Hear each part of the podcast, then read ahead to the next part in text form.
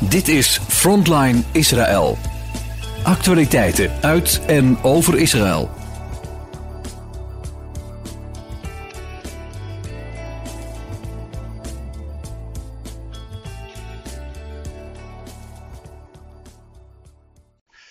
Shalom luisteraars, ik heb uh, momenteel uh, aan de lijn Ron IJzerman. Ron is de voorzitter van het CIDI in Nederland.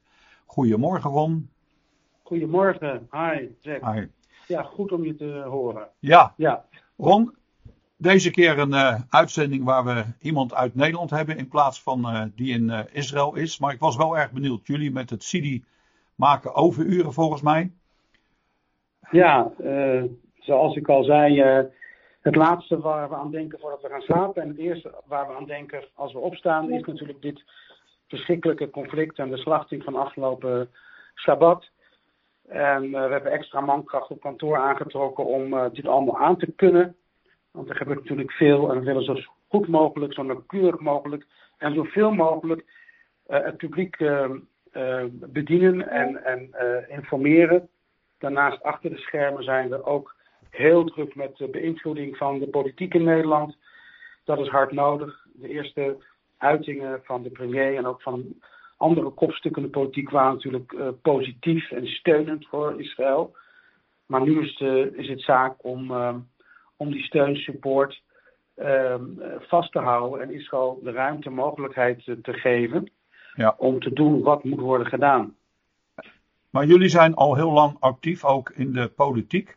Ehm, Ja, ben jij verrast eigenlijk over eh, hoe de politiek zich momenteel eh, uit? Nou laat ik het zo zeggen. Ik, uh, gelet op wat de, wat, wat de beelden die binnengekomen zijn in de berichten, ben ik niet verrast. Ik ben wel verrast over de breedte waarin dit wordt gedragen. Dus ook partijen waarvan je denkt, nou die voorheen waren die veel Israël-kritischer. Um, die hebben ook uh, uh, zich geschaard achter de uitingen van de premier. En we hadden afgelopen um, dinsdagochtend bij ons op kantoor en bij het CIDI de voltallige commissie buitenland van de Tweede Kamer uitgenodigd. Die waren er bijna allemaal. Behalve wat enkele uh, beruchte partijen zoals Denk en B1, maar die kun je missen als kiespijn. En nou ja, daar hebben we indringend gesproken. En men, was, uh, men is dus allereerst compleet opkomen dagen. En heeft ook de tijd genomen om te luisteren naar onze informatie, de uitwisseling van gedachten. En ook daar uh, proefde ik gelukkig dat de steun voor Israël uh, er in volle uh, omvang aanwezig was. Ja. En hoe lang denk je dat dat nog is? Want als ik nu kijk naar het nieuws, dan uh, schrik ik daarvan. Dat je nu al een terugkoppeling ziet en de beelden van Gaza worden nu steeds heftiger. Die je te zien krijgt. Dus dan vraag je af van hoe lang blijft dat dan nog goed hè?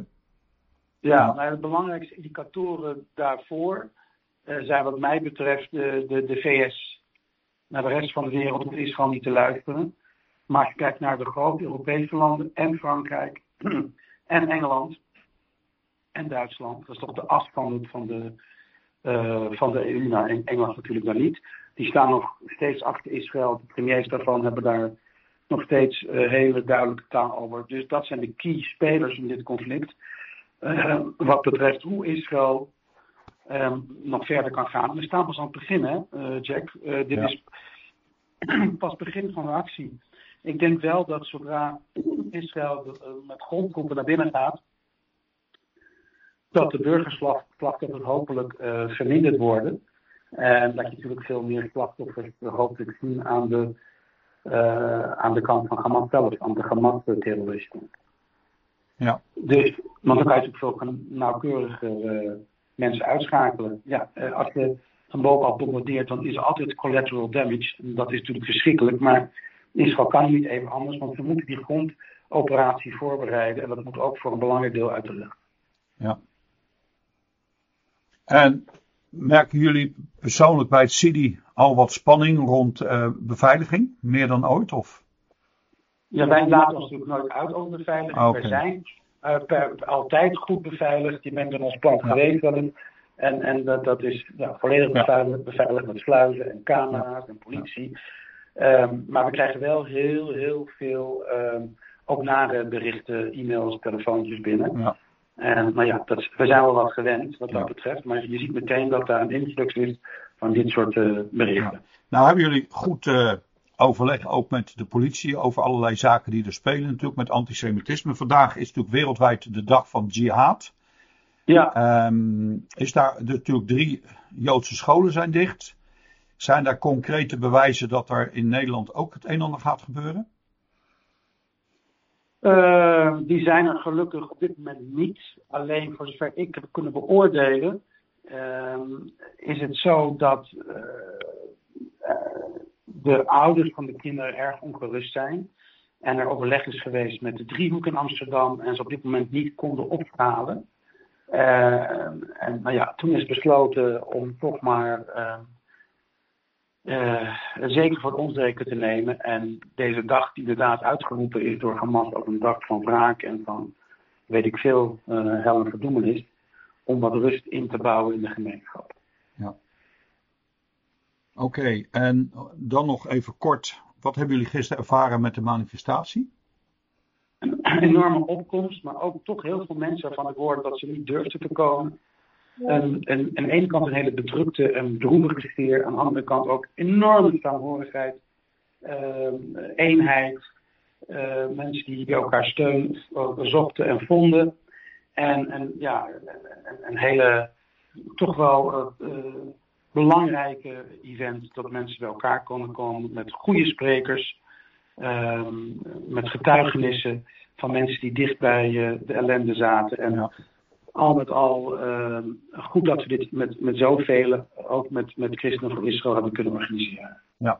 Oké. Heb je verder nog iets te melden? Dat je Nou zegt ja, van ik, nou, hoop, eh, ik hoop dat Israël, zoals ik zeg, de kans krijgt om deze klus te klaren. En dat gaat ook aan onze kant eh, slachtoffers eh, opleveren. Dat, dat, dat, daar Ja. komen we niet aan. Ehm, ik, ik, eh, ik ben, ehm, er, is één, zijn een paar lichtpuntjes. Eén vind ik dat die saamhorigheid weer terug is in de Israëlische samenleving. Want je weet dat hij enorm verdeeld was. En dat was Ja. natuurlijk heel naar om te horen en te zien. En in dat licht ben ik ook heel blij dat die regering van Nationale Eenheid door toetreding van Benny Gantz is gerealiseerd. Benny Gantz is een, een hele ervaren eh oud-stafchef van het Israëlische leger. En die kennis en kunde hebben we echt nodig om deze eh, enorme operatie eh, aan te kunnen. Ja. Het veiligheidsgevoel moet terug bij de Israëlische burgers. En daar past ook een brede eh, regering bij. Dus daar ben ik positief over. oké. Hey Ron, heel erg bedankt voor een kort moment eventjes. En Succes Ja. met al je werk. ja, En laat, laat het eh, Godzegen op, eh, op ons allen rusten. Met name op de soldaten die daar voor ons vechten. Ja. amen. Tot zover Frontline Israël. Het programma met actualiteiten uit en over Israël. Kijk voor meer informatie op onze website. Als u wilt reageren op deze uitzending, dan kan dat door een mail te sturen naar info radioisrael.nl